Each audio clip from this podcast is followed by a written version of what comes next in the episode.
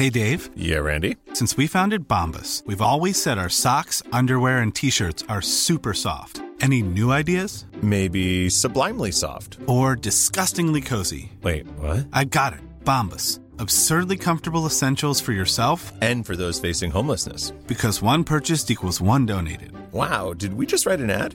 Yes. Bombas. Big comfort for everyone. Go to bombas.com slash ACAST and use code ACAST for 20% off your first purchase. When you're ready to pop the question, the last thing you want to do is second guess the ring. At Bluenile.com, you can design a one of a kind ring with the ease and convenience of shopping online. Choose your diamond and setting. When you find the one, you'll get it delivered right to your door. Go to Bluenile.com and use promo code LISTEN to get $50 off your purchase of $500 or more. That's code LISTEN at Bluenile.com for $50 off your purchase. Bluenile.com code LISTEN. Podplay. Du lyssnar på inget mindre än Lille Lördag och jajamensan det är onsdag. Här sitter hon ju för första gången på sex månader. Ann Söderlund!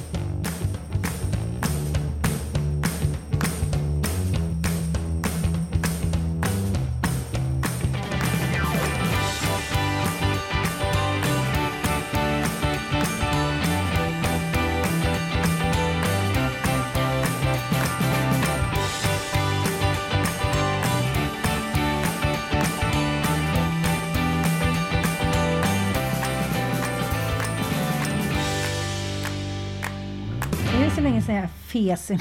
Ja, jag har redan känt två glada fisar och det är ändå roligt att det är alltid jag som blir anklagad för det här i podden. Men här är någon som släpper väder titt som tätt. Stolt vädrare. Stolt väderkvarn. Ja, ja, mycket som händer nu. Alltså, spännande. Jag tycker det är spännande med höst helt plötsligt. Det känns bra. Det, det känns som man ser allting lite klarare när det inte är så mycket gröna löv på träden. Absolut. Jag känner mig så otroligt eh, pepp, måste jag säga, precis när jag fått min höstresa avbokad utav flygbolaget. Så nej, Ja, det nej, blir förlåt, inga förlåt. varmare breddgrader. Men konstigt nog, man, vet du vad jag säger? Jag känner mig inte alls så lättsårad som jag kanske tidigare varit. Man är så van med det här året att saker och ting kan gå till helvete. Ja, På något så konstigt sätt, eller hur? Ja, man har blivit krass. Exakt. Man har fått en hårdare hud och man tänker lite, det är som att spela på Lotto, så här, boka resor eller... Ja, men jag förstår vad du menar. Men jag tror också att innan så har man alltid hunnit eh, bygga upp sådana förväntningar. Och nu hinner man liksom aldrig bygga upp någonting innan det är avbokat. Nej, men man vet hela tiden att allt man gör gör man med en nypa salt. Och det kanske handlar om att jag har blivit så jävla woke, Ann Söderlund. Det tror jag, det tror jag. Du är liksom medveten och du, eh, du har koll på dina kulturella apanager. Jag har en jättebra podd idag. Mm, jag kanske vi. bara ska säga att vi intervjuar Moa Samuelsson vars mamma var med om Estonia-katastrofen och vi ska också prata om dokumentären. Men allt det lite senare. Nu tycker jag vi kastar oss rakt in i första ämnet. Magnus, på med bumper här. Bam!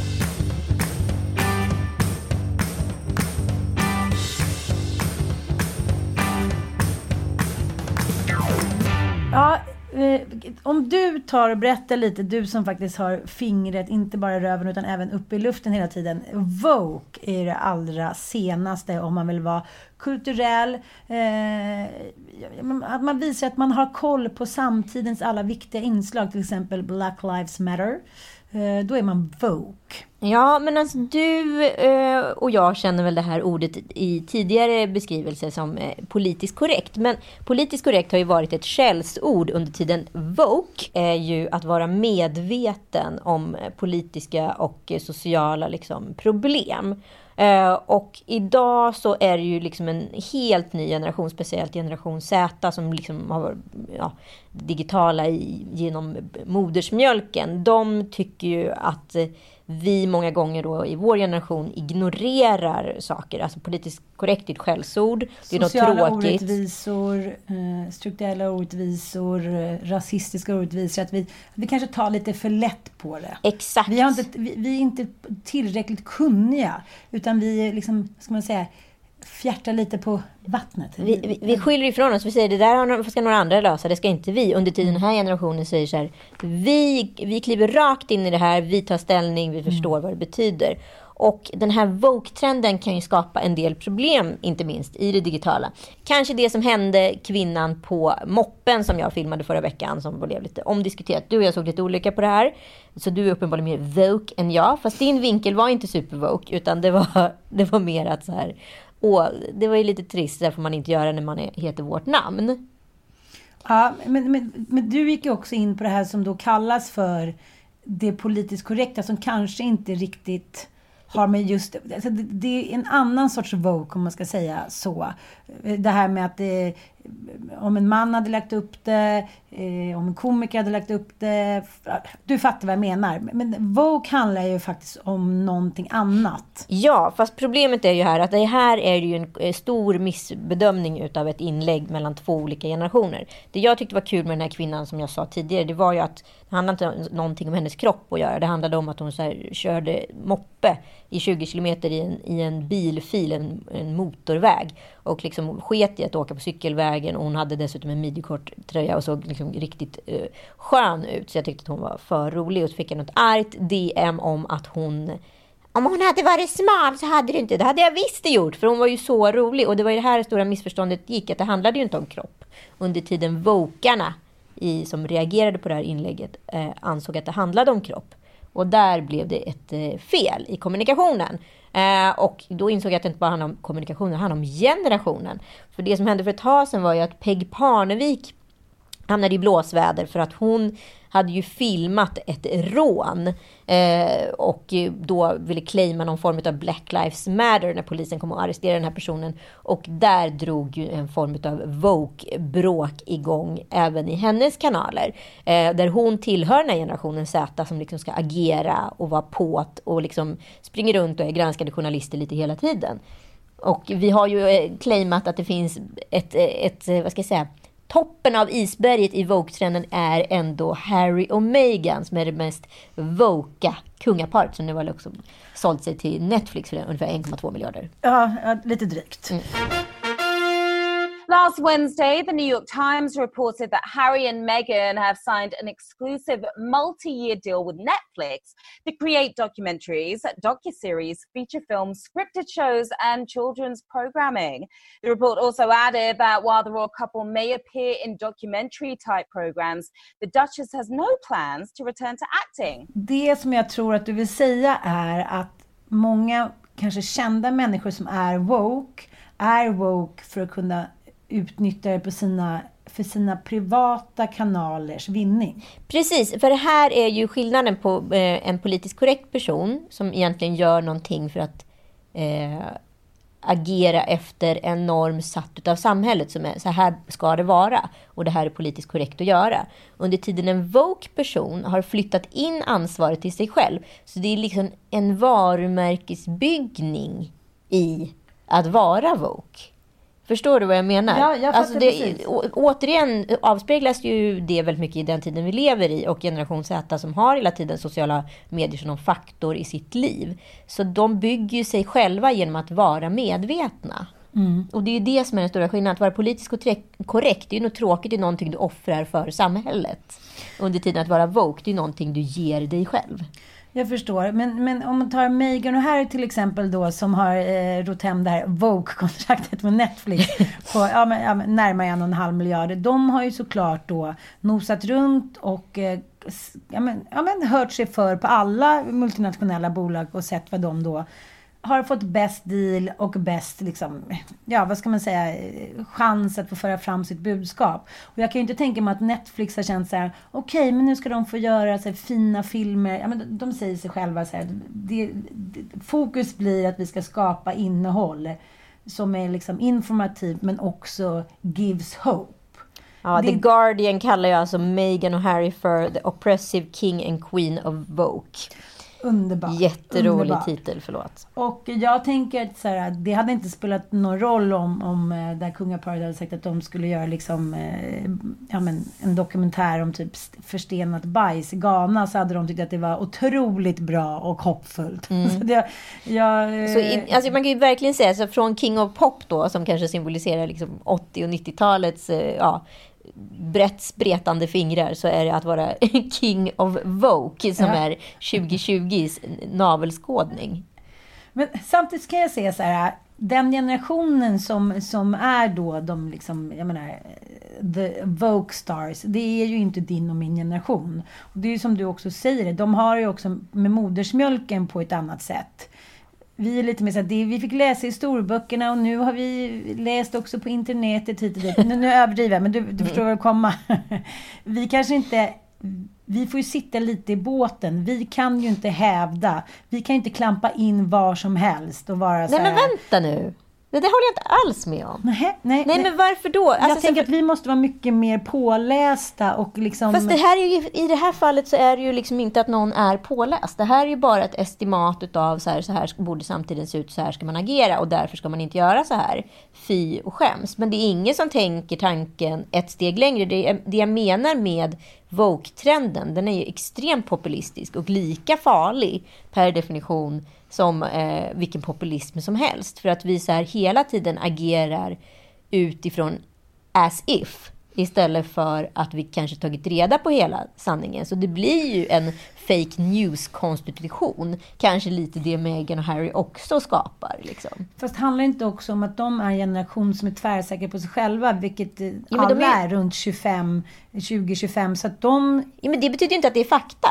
Nej. Och fakta verkar inte vara utav relevans, vilket Nej, men, är så chockerande. Nu känns det lite som att, nu, nu, du menar att det blir som ett litet, så här, scenariot är att man hela tiden är som under de första månaderna under metoo.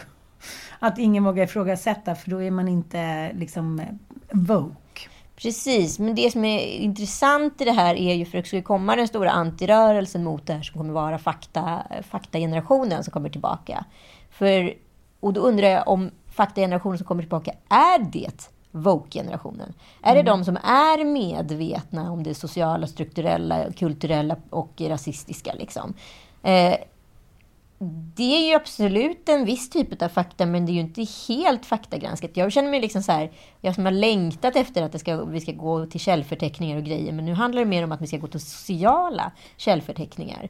Ja, men alla vokare vill ju på något sätt vara folkbildare. Ja. Är inte så? Alla vill vara folkbildare i miniformat. Djuren har flyttat sin, hem. Ja, på sina, ja, verkligen. På sina här, kanaler ut.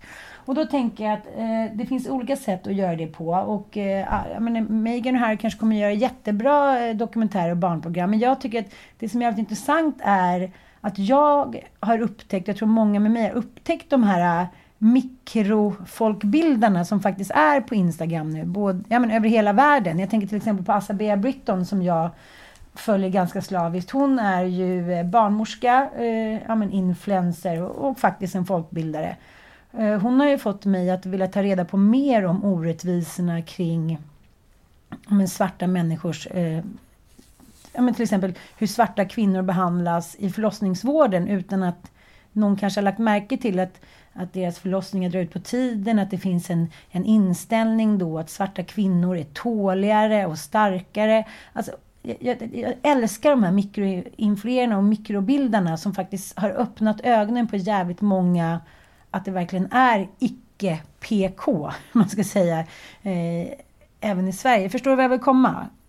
Jo, absolut. De gör det verkligen. verkligen på riktigt, till skillnad mot Meghan och Harry. Förlåt. Ja, men de är ju jätteduktiga. Samtidigt så... Eh, hon, har, hon är ju barnmorska från början. Det är det jag hon, menar. Alltså, hon har ju verkligen en plattform och en kanal och en utbildning. Det som är värre är ju liksom de här normtyckarna som bara sitter och sprider egentligen en egen rädsla, reflektion eller åsikt. Mm, mm. Men får det att låta eh, jävligt politiskt tungt ifall du är en bra retoriker. Och då kan du också upplevas som woke. Jag har ju en kvinna här som håller på att skicka 7011 DM som, eh, till mig mm. liksom, och, och, säger att hon har gått eh, fem högskoleutbildningar och säger hur man ska agera och varför jag inte får gå på fest. Eh, jag har också fått den där. Ja, eh, det, det, är ju en rädsla.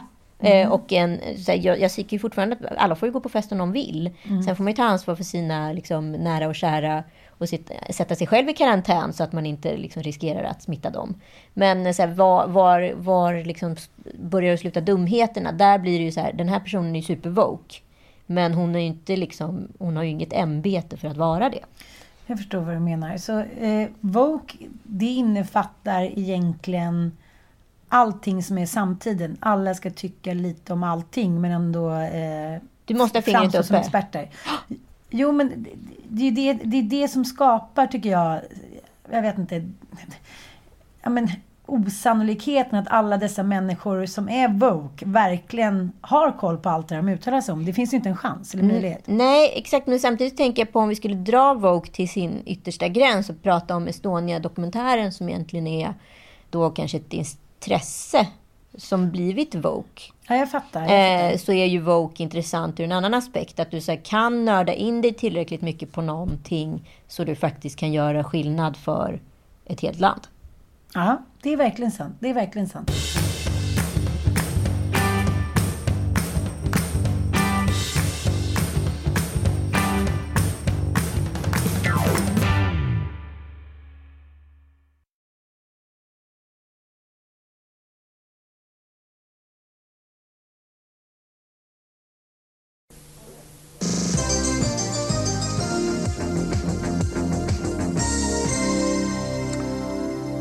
Estniskflaggade passagerarfärjan Estonia med 867 människor ombord sjönk i natt Ja, det där var vad ni hörde Finska en av många storm i eh, området. Nyhetssändningar. omfattande räddningsarbete pågår. kom Hittills har bara 25 förlisningen av personer MS Estonia. Både jag, 13 du och jag har ju sett den här dokumentären av Henrik Evertsson som ligger på Dplay om MS Estonias förlisning och vad som egentligen hände. Det har ju varit en eh, mång, mångdebatterad, vi som ändå var liksom jag var ju 16 94 och du var ju 100 år äldre än mig.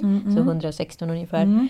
Det var någonting som i alla fall har påverkat mitt liv. Och jag kände verkligen när jag såg första avsnittet att jag satt med tårarna nära liksom hela tiden. För att det var ju liksom ett trauma, nationellt trauma på något sätt. Och man minns också den fruktansvärda olyckan på, i så många skikt och lager. Och så mycket sorg och skam och skuld som har gått igenom många korridorer efter dess, inte bara maktens.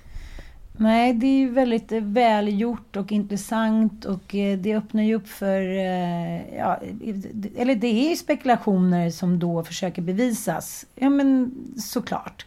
Och de som man har pratat med, som, eller som vi har pratat med som, ja, som har anhöriga eller varit med, så, så är det klart att det här väcker massa frågor. Det har gjort, ja men under många år har ju flera anhöriga velat att de ska då göra en ny utredning eftersom de tycker att den utredning som har presenterats då kanske har varit lite bristfällig. Sen det brukar finnas två läger bland de anhöriga, ska man verkligen vara tydlig med. Att det finns ju de som verkligen tycker att så här, begrav detta, låt, detta vara, vi, låt de döda få vila i frid. Vi måste gå vidare för vår skull. Och vissa anhöriga får inte frid, utan vill verkligen ha reda på Men, eh, men det är ganska spektakulärt tycker jag och eh, offensivt om man får använda det uttrycket att de har ju filmat Estonia trots att det finns då en svensk lag på att det här är en gravplats. Då har de använt sig av ett tyskt tv-team Ja, där det- de inte har samma... Lite tveksam till att man inte helgar detta faktiskt. Eh, både och skulle man väl säga. Det beror ju på vad man vill ha reda på eller inte och vad uppsåtet är. Det är många som har försökt tidigare. Det som har varit grejen är ju, om ni har sett dokumentären, det är att England klev in i det här lilla glada handelsavtalet och det som har skett är att MS Estonia har ju varit liksom en transportkanal som har nu säkerställts och eh, bekräftats från eh, regeringens håll också. När kalla kriget upplöstes så transporterades det ut en jävligt mycket konstiga grejer från Ryssland via Estland och sen över till eh, Sverige. Som England och Sverige har alltid haft ett väldigt gott arbete i underrättelsetjänstsammanhang. Så MI6 och svenska underrättelsetjänsten har liksom haft en transportkanal till varandra. Och de här, delar av de här grejerna har gått på Estonia. Mm. Och eh, så även under den gällande natten. Så mycket har ju varit diskussion om att det har faktiskt varit ett, ett hot, attentat direkt från ryssarna. Men det man kan bekräfta i dokumentären är ju då att båten har ju alltså fått en yttre skada. Det är inte bara bogvisiret som det då påstås, utan det är även att det kommit vatten underifrån, eh, under bildäck det vill säga. Och det är ju det vittnena i den här dokumentären bekräftar och alla har sagt och gett i sina liksom, rapporter runt utredningen. Men det har aldrig liksom Ja, man har aldrig brytt sig om det. Nej, För om bogvisiret hade gått sönder, det vill säga det som håller till liksom parkeringsdäck, då kommer det ju inte ner vatten underifrån. Och hela båten sjunk på mindre än fem minuter. Och det betyder alltså att det kommer in ett rejält hål under. Men en liten Jönssonliga-fråga lite från högra flanken av sängen. Vem är så jävla korkad att man ger sig ut sent på natten i den liksom värsta blåsten? du vet, på tio år och tar sin lilla minikinubåt och så här, åker runt lite.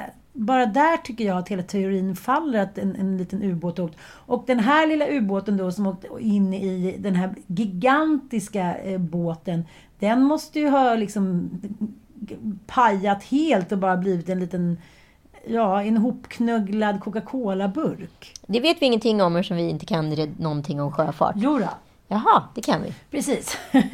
Nej, men eh, i DN så skriver då eh, Hans Lidén som är då skeppsbyggnadsingenjör. Som också blev... Eh, jag menar, han, haverikommissionen ringde hon och tog kontakt med honom efter Estonia då. Och eh, han är då helt säker på att det finns ingen möjlighet att det här är en miniubåt. Utan den mest sannolika förklaringen är att det hål som har upptäckts i Estonia är att det här vraket har slagit emot en klippa på botten. Och han tycker verkligen att Estonia ska få vila i frid. Och han har ju då sin, eh, i sin debatt, eller vad ska man säga, kommentar i DN, tycker jag, eh, ja, han, han, han förklarar då som, som de också säger, eller som haverikommissionen kom fram till, att det var en ett, ett underdimensionerat, gravt underdimensionerat låsbeslag. Och senare beräkningar visar att med moderna regler skulle låsbeslagen varit tiofaldigt starkare då. Och det här bogvisiret, eh, ja det berodde på det här bogvisiret. Han har ju kartlagt hela det här då. Nej, jag vet inte. Jag, jag är ju som, såklart ingen eh, haveri... Jag, jag har ju inte suttit med i haverikommissionen. Va? Vad säger du? Eller var det det jag gjorde? Ja, nej. Eh, Kanske med det Jag vet utskottet. inte. Jag är ju, det är klart att när, alltid när det gäller såna här eh, intressanta, spännande, ska man säga så, eh, nationella trauma så finns det ju ja, men såklart gökhuvuden som dyker upp och eh, ja, skapar konspirationsteorier. Vi har ju varit inne på det här tidigare i, i podden Spanarna privatspanarna mm. med, som vi då pratade om, Palmemordet. Att det finns någonting, alltså män är ju fantastiska på många sätt. Det finns ju ingen som kan, det finns ingen kvinna som kan nörda in sig på saker som män kan göra. Så det blir ju också många konspirationsteorier och teorier i det här. Och en av teorierna är ju då som framkommer i sista avsnittet av Estonia-dokumentären att det är en kollision med en, med en båt och eventuellt en ubåt. Och i och med att ingenting på radarn har markerat att det varit någon fiskebåt där så visar det sig att det inte kan vara en fiskebåt och då är det någonting under ytan och det visar sig även vittnen, överlever ombord, påstå att de också har sett. Det är det som är grejen. Så att det finns liksom två, från två håll. Att det påstås att det har varit en liten minikinubåt där ute och, och kört. Och om det nu stämmer då med all den här krigshanteringen, så ja, så kanske det låter rimligt. Och att man vill då göra en cover-up. Man sänker alltså ner en massa grus på styrbordssidan utav Estonia så man inte ska se det här hålet. Sen har båten tippat turligen kanske för den här dokumentärfilmen lite till. Så det här hålet är då 100% exponerat. Det man inte såg vid dy dykningen när Jutta Rabe och hennes gäng var ute och sökte. Jag tänker också, det, flera av de som har, har, gjort den här utredningen angående bogvisiret och vad som kan ha hänt. Och de har tagit, liksom, jämfört färg med hiten och ditan. De hävdar ju bestämt att så här, den största sannolikheten är ju att eh, det här skrovet då har slagit mot en klippa. Ja, och det säger och det... de ju emot i dokumentären för mm. det är mm. bara tydligen någon form av lerbotten just där i, eh, i marken liksom under mm. Östersjön. Och de har liksom kartlagt det här på ett ganska stort område och långt djup. Så det finns ingen sten på botten. Nej, men jag tänker så här, eftersom det är ett sånt trauma. Det är 25 år sedan det här hände förra året. Det var då den här egentligen dokumentären skulle ha haft premiär. Så är det ju så att de anhöriga välkomnar ju såklart alla spår. Det är också många anhöriga som vill att det här ska få vila i frid nu. Har inte gjort tillräckligt ont. Mm. Ja, men jag förstår att det finns två aspekter på det här. För vissa vill ju också kunna... Vissa, man har, beror ju på vad man har för inställning till döden i grunden. Så här, vissa vill mm. bara komma vidare genom att glömma och begrava och vissa vill, får inte personlig frid förrän det här är utrett. Nej, men jag tänker också om man jämför med ett annat nationellt trauma som eh, inte är jämförbart i och för sig, men det är ju Palmemordet. Det har ju skapat någon form av så här öppet sår som bara fortsätter blöda eftersom det aldrig kommer till någon mer än kling och klang eller på slutsats om vem som har mördat Olof Palme. Fast nu verkar det väl ändå vara klart? Ja, jag känner att det är också ett konspirationsnattcase. Alltså, nu skiter vi i det här, nu orkar vi inte mer typ. Ja, det kanske inte alla håller med om. Men, eh, men hur som helst har vi intervjuat eh, Moa Samuelsson var, som har skrivit boken Ringar på vattnet och hennes mamma Anita var med under Estonia-katastrofen. Så vi ska lyssna på samtalet med Moa här.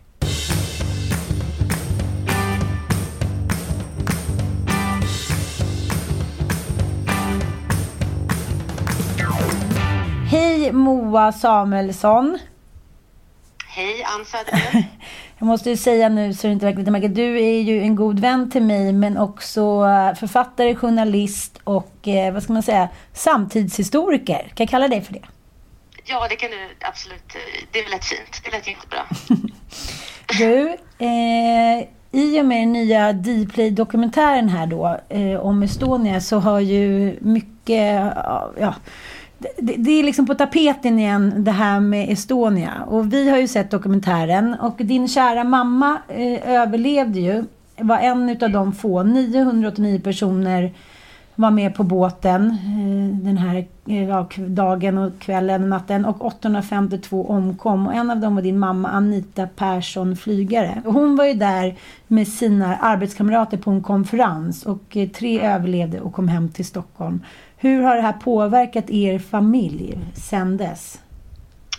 Um, ja, jag, jag, tror att det är jättesvårt att säga hur det har påverkat vår familj. Det har ju varit en del av vår eh, familj 26 år. Men, men vi, alla familjer bär ju på någonting och Estonia är ju någonting som vi inte kommer ifrån, som vi har haft i vårt närmsta medvetande ända sedan det hände. Och jag var ju 18 år, mina syskon var ju bara 6 och 1 år, så vi har helt olika upplevelser av hela situationen och mammas mående efteråt och så. Men jag tror framförallt så är det att om man är med om ett stort nationellt trauma så blir det ju en helt annan sorgbearbetning för man har både sin egen sorg men sen att man också hela bilden av av eh, landets sorg. Så vi har väl, det är två olika delar liksom. Jag bestämde mig för att skriva en bok om det för att min mamma 18 år efter eh, Estonia-olyckan stod och grät när vi skulle köpa julgran på Bondens marknad för att hon hade sett ett eh, förmiddags-tv-program på TV4 där programledaren sa att överlevande hade trampat på barns huvuden för att ta sig fram. Och då kände jag så här, det kommer alltid vara så här, vi kommer alltid vara en del av något stort men ändå ha vår egen historia som, som man liksom bär på. Så det ja, man, är, man är både liksom någonting litet och någonting stort på något sätt. Hur mår din mamma idag? Eller hur har hon mått under de här åren? Ja, det är också eh, svårt att svara på, men hon, det är såklart att, att det liksom river upp tankar och eh, känslor kanske med en ny dokumentär men vi, det är ingenting som vi... Alltså vi som familj välkomnar ju alla, alla utredningar som är seriösa och alla... Alltså alla rättsprocesser måste ju ha sin gång om, de, om allting inte är utrett. Så det är ingenting som är... Har ni sett dokumentären? Nej, vi, nej det har vi inte. Vi, eh, jag har träffat Henrik Evertsson som har gjort den och vi träffades på en restaurang här på Södermalm och eh, vi skulle vara med i den, både jag och min mamma, men sen så när vi satt där och jag skulle berätta om min egen upplevelse om alltihop och så kände jag att det triggade igång liksom min egen posttraumatiska stress alldeles för mycket och mamma kände så nej, vi, jag har pratat om det här så mycket, hon har pratat om det i min bok och hon har pratat om det i en gammal dokumentär på SVT och vi så vi tackade nej till att vara med. Varför tror du att eh, den här dokumentären kommer nu? Eh, Henrik, ja den, kom, den skulle komma till 25 år för att vara 25 år efteråt. Så det var väl liksom ett, ett logiskt... Eh, ja, det, alltså, saker plockas ju upp när de har varit tillräckligt länge. När det har gått väldigt lång tid så kommer det någon som intresserar sig för någonting och så plockar man upp det igen. Jag tror inte att det är någon... Ja, det finns ju många olika saker som plockas upp. Jag tänker fråga, i boken som du har skrivit så är ju både journalisterna Karin Svärd och Kristina Jutterström som då var chefredaktör på Dagens Nyheter och ja, sen då gick in, ingick i den här analysgruppen som utsågs av regeringen. De skulle ju då, de fick till, ja, de skulle granska statens arbete efter Estonia-katastrofen.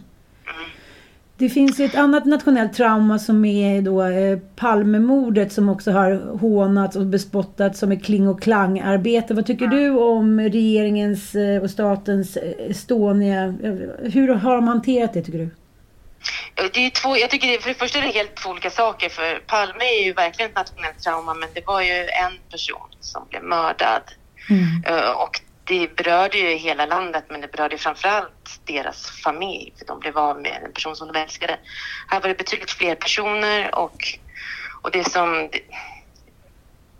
Fler- personer som behövde en sorg, sorgebearbetning och man behövde hitta någon slags struktur. För hur gör vi när nästa katastrof händer? För det fanns liksom ingen katastrofberedskap. Eh, någonting man tittade på och utvecklade strategier för så att sen när tsunamin kom några år senare så hade man ändå snuddat vid just den här eh, katastrofberedskapen och hur man snabbt skulle liksom forma liksom många människor som behövde stöd av varandra. Så eh, det är visst det är ett nationella trauman men det är helt olika liksom. Jo, men hur tycker du att, att eh, staten hanterar till exempel Ja, men, di- din mamma kan man väl säga, eller de efterlevande. Tycker du att de gjorde ett bra arbete? Ehm, där, någon, där har ju vi varit kanske i den lilla människan mer än att vi har tittat utifrån. Utan vi har varit den lilla människan. Men det, jag vet, eh, min mamma valde att väldigt snabbt gå tillbaka i sitt arbete och eh, eftersom all personal i stort sett var utplånad på de enheter som hon var chef för så hon, hon, hon eh, arbetade sig igenom sorgen mycket genom att fortsätta. Eh, tillsätta ny personal och tillsätta det som fattades. Men hon, jag upplever att hon fick för lite samtal och vi anhöriga har också fått för lite samtal. Min eh, bearbetning började 25 år efter olyckan. Alltså sorg tar sin lilla egna liksom, snåriga väg för att nå fram. Så att jag har ju suttit både en och två gånger och försökt få någon som har lyssnat på mig hos någon vårdcentral för att jag behöver prata med någon angående ja, usla stressstrategier i vissa lägen. Men det är ingen som kanske tycker att, att jag var med, att min mamma överlevde Estonia-olyckan för 25 år sedan är någonting som gör att jag kanske behöver prata med någon idag. Det, det tycker jag att man, det skulle vara lättare till att, att eh, få eh, absolut eh, mer samtal. Med- Tro, tror du att du själv kommer kolla på dokumentären eller tror du att dina syskon ska kolla på dokumentären för att förstå, få lite mer Nej. grepp om hur det var? Nej, nej det finns ingen anledning. Vi vet hur, vi vet hur det var. Vad, vad, vad är liksom er upplevelse utav det efteråt? Alltså, anser ni att det var en cover-up eller var det, var det en tragisk olycka? Eh, det vet vi inte och det välkomnar vi verkligen få veta om det kommer nya bevis nu. Så, men jag har ju varit väldigt inriktad på att titta på vad man har gjort, inte vad man inte har gjort. Så jag har ju till exempel intervjuat den personen som var 22 år och värnpliktig och han hamnade som ytbärgare och räddade massa människors liv. Eh, och jag har varit nere i Ronneby och hälsat på dem som var precis den natten. Så det gjordes ju ett fantastiskt arbete också. Man får inte eh, förringa de människorna som faktiskt under den natten gjorde otroliga insatser och som, men det var alltså värnpliktiga som var ytbärgare som åkte ner, eh, ner i detta liksom, vidriga hav och räddade människor efter människor. Så det gjordes väldigt många stora insatser också som var Otroligt. Det man inte riktigt får förklarat eh, när man, att det var så lång tid innan hjälpen kom. mm, Var det väderomständigheter eller vad har ni fått det förklarat som? Ja, det var ju sent, det var mörkt, det var dåligt väder och det var i höst. Eh, så det, ja precis. Det var väl olika omständigheter som gjorde att man inte kunde komma tidigare. Okej. Ja, eh, din bok, du kan berätta vad den heter. Kan man köpa den fortfarande? Den heter Ringen på vattnet eh, och den, det är då en, en, en porträttbok på åtta personer som på något sätt från olika aspekter vara med. Eh, antingen om man var statsminister eller chefredaktör eller präst eller överlevare eller olika. Eh, ja, den finns att köpa. Då tycker jag ni ska göra det, ni som lyssnar. Absolut. Tack snälla för att du var med i Lill Lördag. Vi kommer prata mer om Estonia. Nej, jag tycker att det här belyser de eh, känslor och det traumat som eh, många som var med har fastnat i. Och det ser man ju också i dokumentären att det vore välkomnande med en ny ja, haverikommission som... Är det något du för dig Jens? Eller? så jag har ju tagit tag i det här. Nej, men det är alltid så att nationella trauman får ju aldrig några riktigt bra slut. Eller de flesta trauman, trauman och olyckor får ju inte det. Men jag tänker så här, om, om det är så att det kan hjälpa någon så är det väl jättebra om man gör en annan... Ja, om man tar, liksom ska säga, rycker tag i det här igen, eller vad tycker du? Det säger ju Moa också att hon välkomnar. Även om hon eh, känner att det här är ingenting som hon själv eller hennes, fam hennes familj vill rota i. De vill ju inte ens se dokumentären också. Och det bestämdaste tackat nej till att delta i dokumentären. Det tycker jag talar sitt tydliga språk om hur de i alla fall känner inför att det här ska rotas igen. Så att Ja, säga. men jag tror återigen det hänger ihop med liksom eh, om, om man är en överlevare så har man ju överlevt och uppenbarligen tagit sig vidare på ett eller annat sätt. Men har man förlorat någon Mm. Och det tycker jag är väldigt tydligt i dokumentären också att då, då vad heter det, har man en annan uppgift i det hela. Mm, en norsk pappa som är med som har förlorat sin son. Liksom. Eh, han får ju inte ro och frid liksom. under tiden.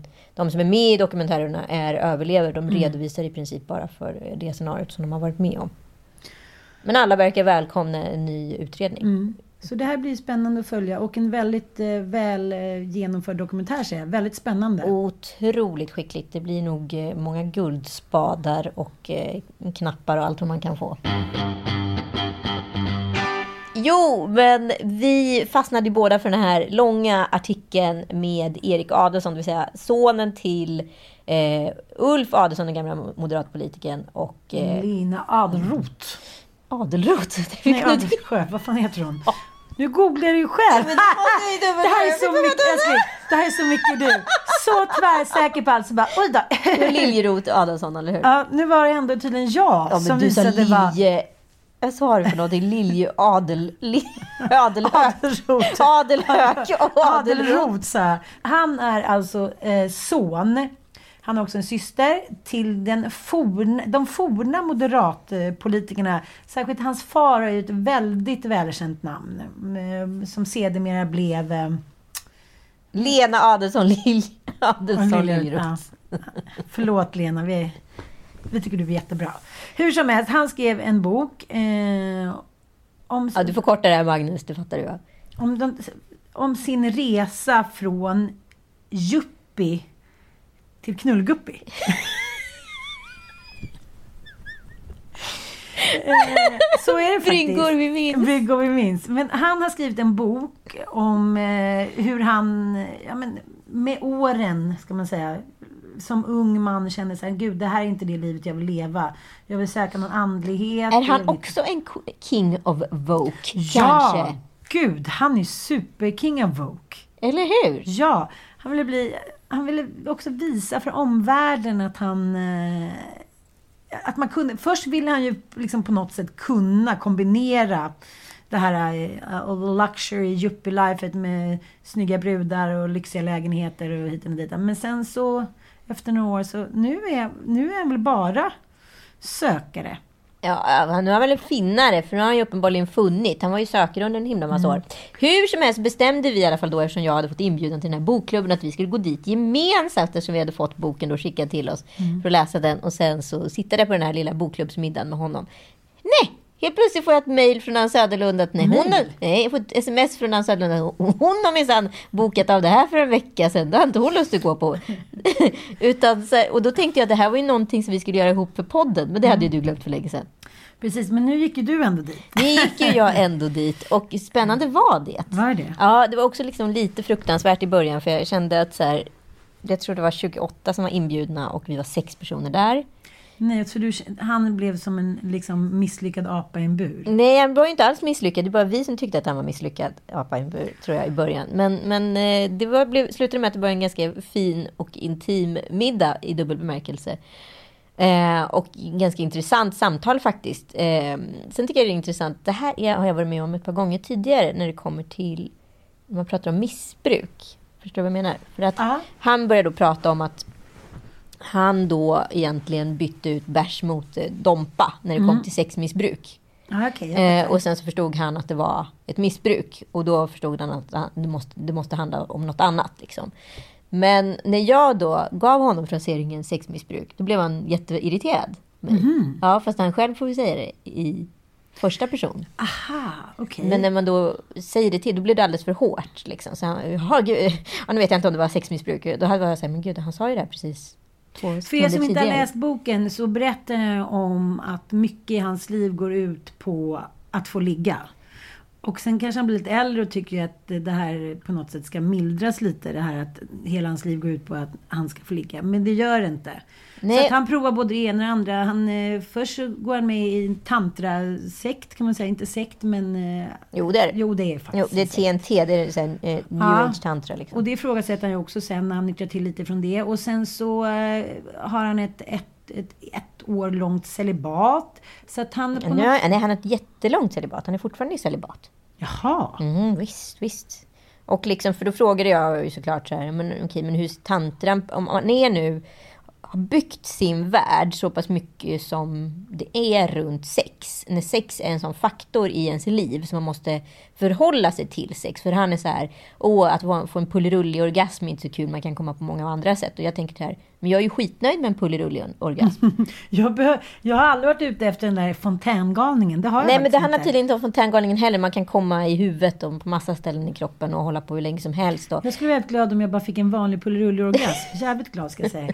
Nej men det är klart att man också blir lockad av alla de här olika orgasmerna som- som, finns, särskilt i kvinnor. Män kan tydligen få tre olika orgasmer och kvinnor sju. ja exakt. Och det som jag kan förstå liksom, utifrån ett manligt perspektiv som har en väldigt direkt orgasm. Att det är såklart mer fascinerande att kunna hålla på längre, komma off flera gånger och så vidare. Ja. Det verkar jättecoolt ju.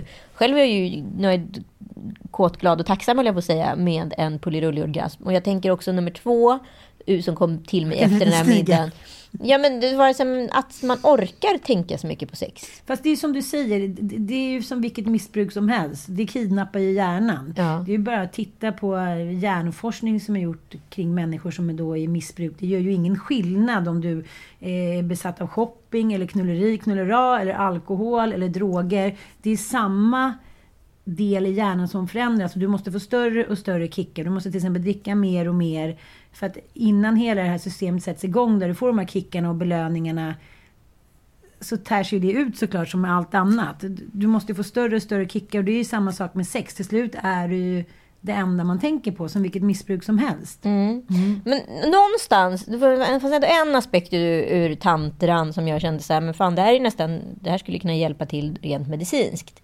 Då tänker jag på sådana som har så här vestibulit, du vet, säga brinnande vulva. För han berättade nämligen om sin så här, eh, massage som han utför då, och vaginamassage. Och då trycker man på massa olika pressure points inne i vaginan. Och vissa pressure points gör jätteont. Och han berättade då att en kvinna då som är en duktig tantrisk kvinna, hennes livmodertapp är oftast ganska lång och mjuk. Under tiden en kvinna som har svårt att få orgasm eh, exempelvis så, och liksom tycker att sex är obehagligt och gör ont. eh, Hennes liksom, livmodertapp är kort och gör, är stenhård och gör jätteont.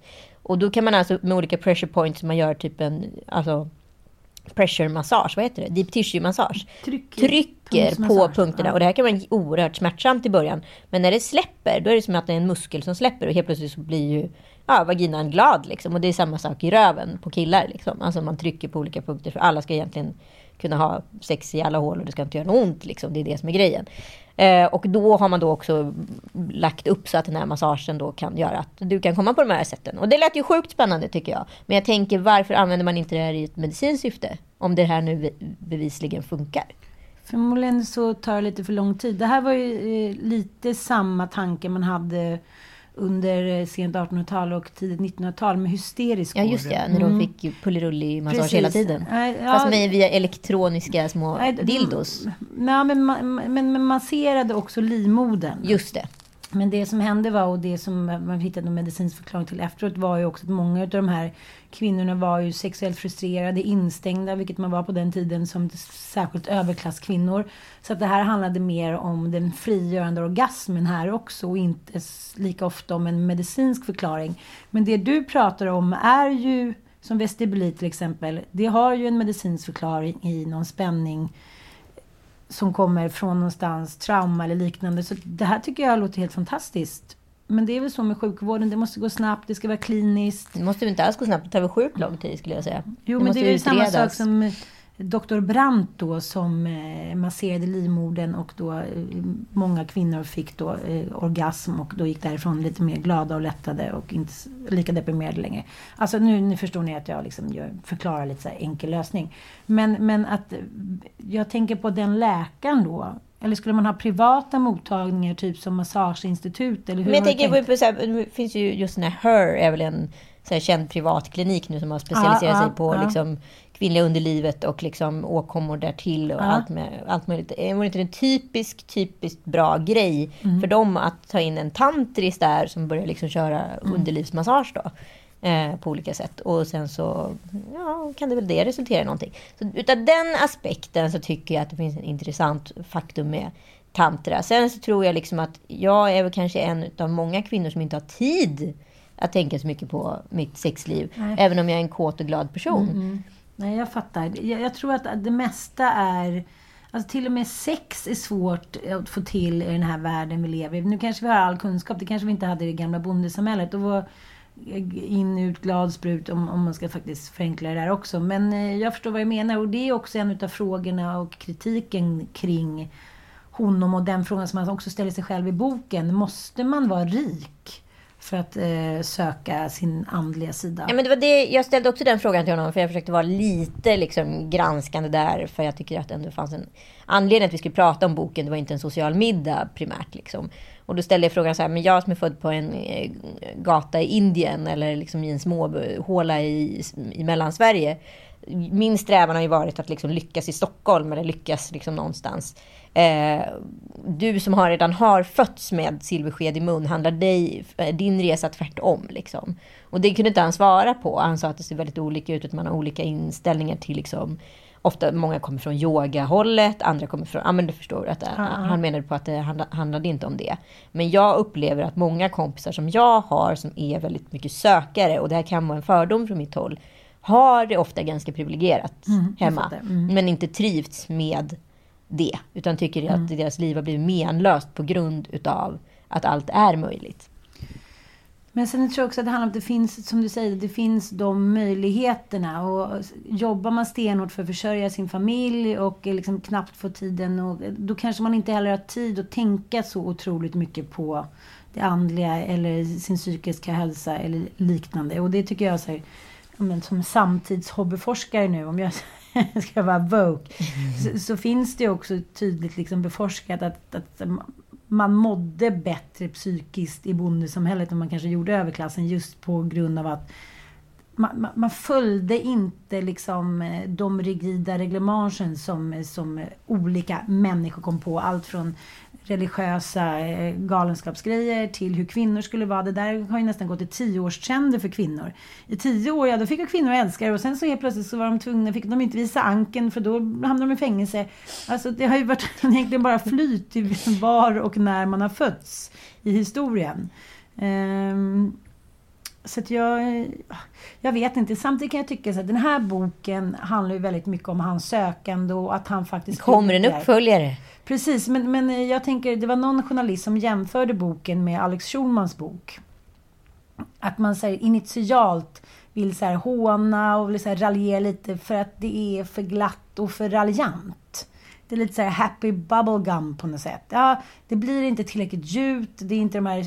De existentiella frågorna blir liksom... eh, De härlifieras. Det är inte som till exempel med Björn Natthilko, att man så här, sitter 24 år uppe på en klippa och eh, mediterar och tänker på Gud. Då känner man sig där är hardcore, han är fan världens jävla Vet omgång. vi det här om honom eller har han sagt det själv? Ja, han har sagt det själv.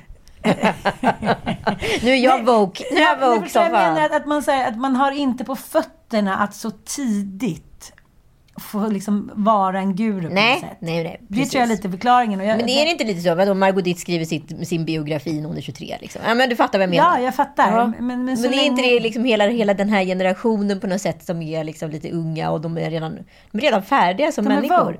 De är woke. Nej, men jag pratade med en kompis häromdagen som var såhär, jag har uppnått allt. Vad ska jag göra? Och jag ska leva i 70 år till. Hur gammal är hon? Nej, hon är knappt fyllda 30. Uppleva allt. Fast då är man ju... Nej, men, det var men, ganska det- korkat nej, sagt. Ja, fast samtidigt förstår jag så här. Jag kan, jag kan känna igen den, vad ska jag kalla det för, ganska barnsliga tanken. Så här, Gud, vad ska jag göra nu med livet? Men, men då tänker man så här, men, men så här, det spjärnet handlar ju om att så här, nu, just nu är jag frisk, glad, stark, ung och så vidare. Mm. Du har ingen aning om hur ditt liv ser ut tre år senare. Det kan Nej. gå till igenom en separation, någon i nära anhörig kan ha dött, du kan ha skadat dig, du kanske har liksom hamnat i ett, liksom, ett kaos, liksom, antingen på jobbet eller privat och så vidare. Så man kan ju inte ta spjärn från så här, jag är färdig här och nu, hur ska jag liksom bli lycklig resten av livet? Det är en ganska, det är en ganska liksom, basal tanke. För livet är ju under ständig förändring. Alltså det kan ju gå på en månad eller en natt. Men gud, jag tänkte på det när jag var på eh, en liksom, liten Rosa bandet eh, presskonferens med Lotta Gray, eller Aka vimmelmamman. Hur hon så här, var världens gladaste så här, 30 plus småbarnsmamma, levde livet som ett Hänt Extra-reporter, hade en så snygg man, snyggt hus, snyggt liv liksom. Och så bara får hon så jävla ont i magen. Hon fattar inte vad det är. Och sen visar det sig att det är då alltså en sån aggressiv cancer som hon har i levern. Mm. Och det enda som liksom hennes smala lycka var att den var på samma ställe, de olika liksom, ja, cancertumörerna, att de inte var utspridda. För det, man kan ju inte liksom ta bort en hel lever, men man kunde skära bort vissa bitar. Och jag kan väl känna lite det. Det är inte så att jag är nöjd med livet hela tiden. Men, men eh, då börjar jag ibland tänka lite på min mamma. Så tänker jag så här, gud, hon gick bort innan hon fyllde 50. Så att det är så här, så jävla mycket krav kanske man inte behöver ha. Och jag tänker lite på det du sa innan. Jag tyckte det var väldigt gulligt. Jag har känt dig ganska länge nu. Och eh, jag tror vi båda har taggat ner lite. Att en sån grej som man beställt en resa så blir inte det alls. Bara nähä! Som att så här, gudarna vore onda. Och att allting bara vänder sig emot den. Fast det bara handlar om en grej som inte vi kan göra någonting åt. Jag tror att vi alltid har tänkt så här, jaha? Vi tycker att det är ett kon- kontrollförlust när vi inte kan påverka Mm. vårt Men eget det är inte liv. det som är grejen med corona då? Finns det inte någon form av Jo. så här samvetstvätt i det här? Lätt. Att så här, saker och ting inte alltid blir som man har tänkt sig, men Nej. det behöver inte betyda att det går åt helvete ändå. Nej, och jag tror att mycket som man har skapat också i vår del av världen och kanske det umgänget som vi har, det är så här att man måste göra saker och ting på ett visst sätt. Jag kunde ju också bli stressad av den här resan och jag ville så gärna följa med och jag tänkte på senast idag skulle jag skicka så här till Ida, så här, finns det någon plats? För att man är så, man är fortfarande lite rädd FOMO. om missing out. Ja, FOMO. Och, och samtidigt så är det så här, fast vi vet ju nu att det handlar inte om så, här, så mycket missing out. Livet var också härligt bara här hemma. Fantastiskt. Och med de orden avslutar vi dagens podd. Tack för att ni har lyssnat. Vi hörs om en vecka. Woko.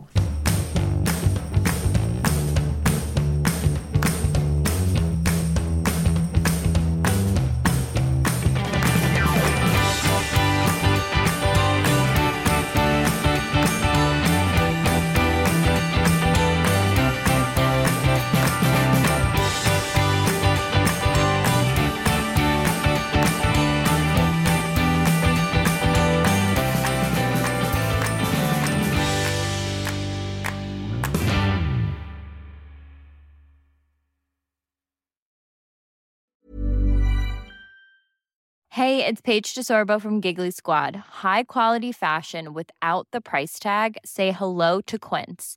I'm snagging high-end essentials like cozy cashmere sweaters, sleek leather jackets, fine jewelry, and so much more. With Quince being 50 to 80% less than similar brands. And they partner with factories that prioritize safe, ethical, and responsible manufacturing. I love that. Luxury quality within reach. Go to quince.com slash style to get free shipping and 365 day returns on your next order.